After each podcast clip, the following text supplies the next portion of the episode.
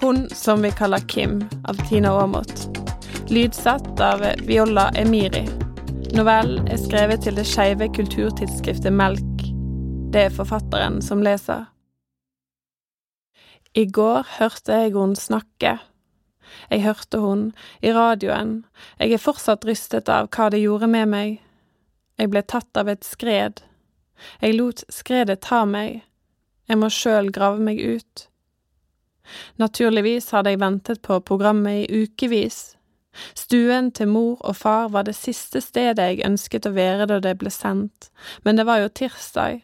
Da tar mor og jeg følge fra vaskeriet, og mor serverer melkesuppe og fiskeboller før vi tilbringer kvelden sammen, sånn har det vært siden jeg flyttet tilbake.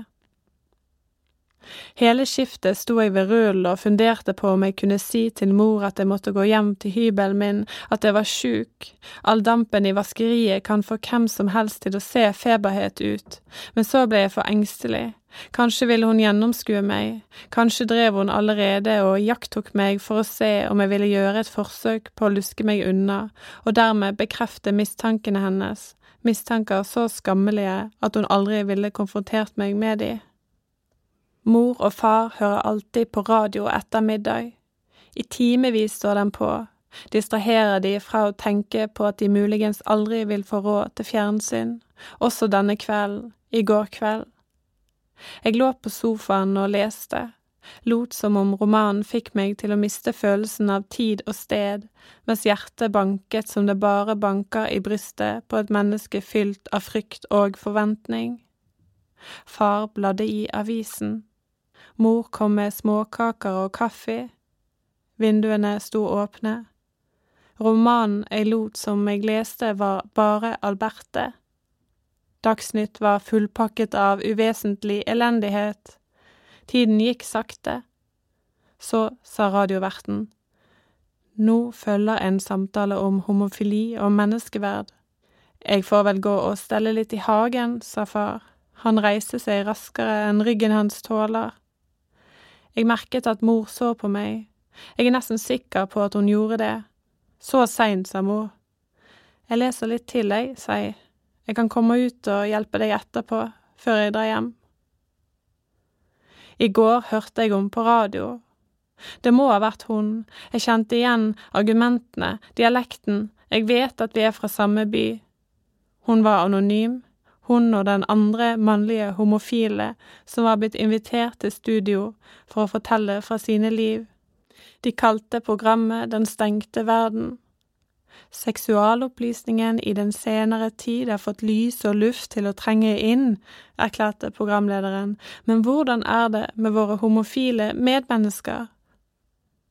Jeg lå urørlig jeg ville så gjerne sprette opp og rope til mor at jeg kjente den anonyme kvinnen som med vakker, klar stemme snart begynte å snakke, sjøl om det ikke var helt sant.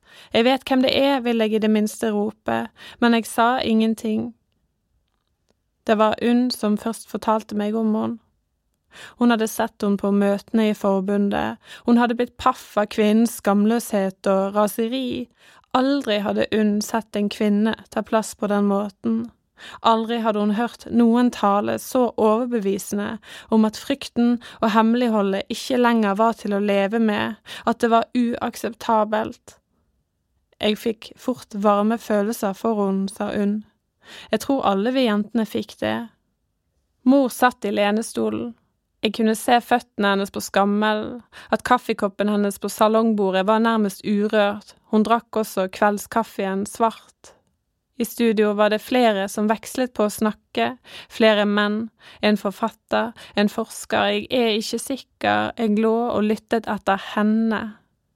Den ene mannen fortalte at han i sin studie av homofile ofte fikk følelsen av å være blant mennesker som hele livet hadde vandret langs en mur. Så plutselig fant de en åpning i muren, et homofilt forhold, de fant en vei, sa han, og sterke krefter i sinnet deres gjorde det vanskelig å gå en annen vei. Men det fins mennesker som ville gjort hva som helst for å komme ut av sin situasjon, fortsatte han, det tyder de mange selvmordene på. Mor fnøs. Mor fnøs, jeg kjente fnyset hennes som en gysning i ryggen. Har du snakket med fru Lindeli, sa jeg høyt, vet du noe om når hun begynner å jobbe igjen? Jeg trives svært godt i vaskeriet, jeg håper de lar meg fortsette sjøl om hun friskner til. Ikke nå, sa mor, les boken din. Jeg orker ikke å diskutere jobben, jeg prøver å slappe av. Selvfølgelig visste jeg at mor ikke snakket sant. Hun løy, og i samme øyeblikk fikk jeg det for meg at hun også visste at jeg slett ikke lå der og leste, på samme måte som hun visste hvorfor jeg så brått hadde sagt fra meg stillingen i Oslo og kommet over fjellet, avmagret og fortvilet, hun ser for seg meg når de på radioen snakker, tenkte jeg, når kvinnen fra Bergen snakker, ser mor for seg meg. Men hun snakket ikke som meg. Hun hadde en mye penere dialekt, og hun sa de mest vidunderlige ting. Vidunderlige delvis fordi jeg kjente meg igjen i de, og det jeg ikke kjente meg igjen i, ble sagt på en måte som ga meg en underlig, liksom kriblende følelse av at jeg en dag ville kunne gjøre det. Hun sa, det som for meg var naturlig, kunne umulig føles som en ulykke. Hun sa, at jeg ikke vil få barn, er en stor sorg, men jeg trøster meg med at det også finnes ulykkelige blant gifte. Hun sa, Vi homofile hopper ikke på hva som helst, vi leter etter ett menneske. Da hun sa det, begynte jeg selvfølgelig å tenke på Unn igjen.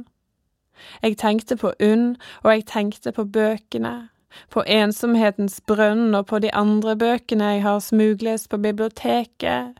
Det hendte ingenting, følelsers forvirring.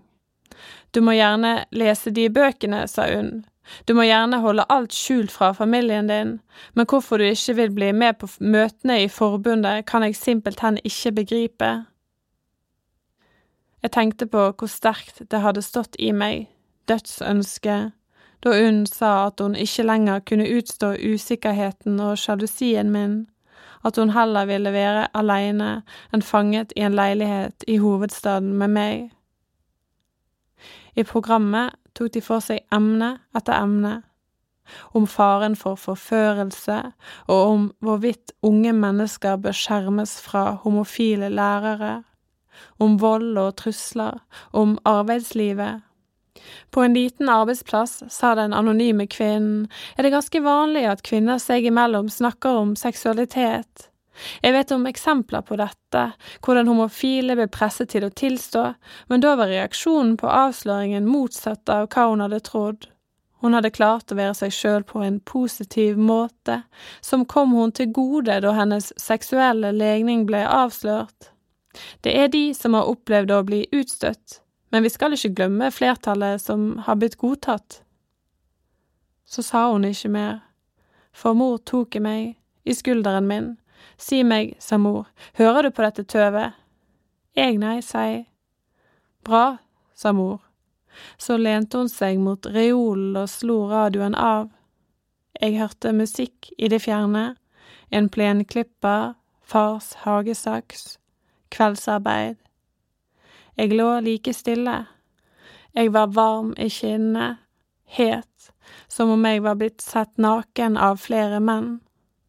Sende sånt i beste sendetid, sa mor. Jeg svarte ikke.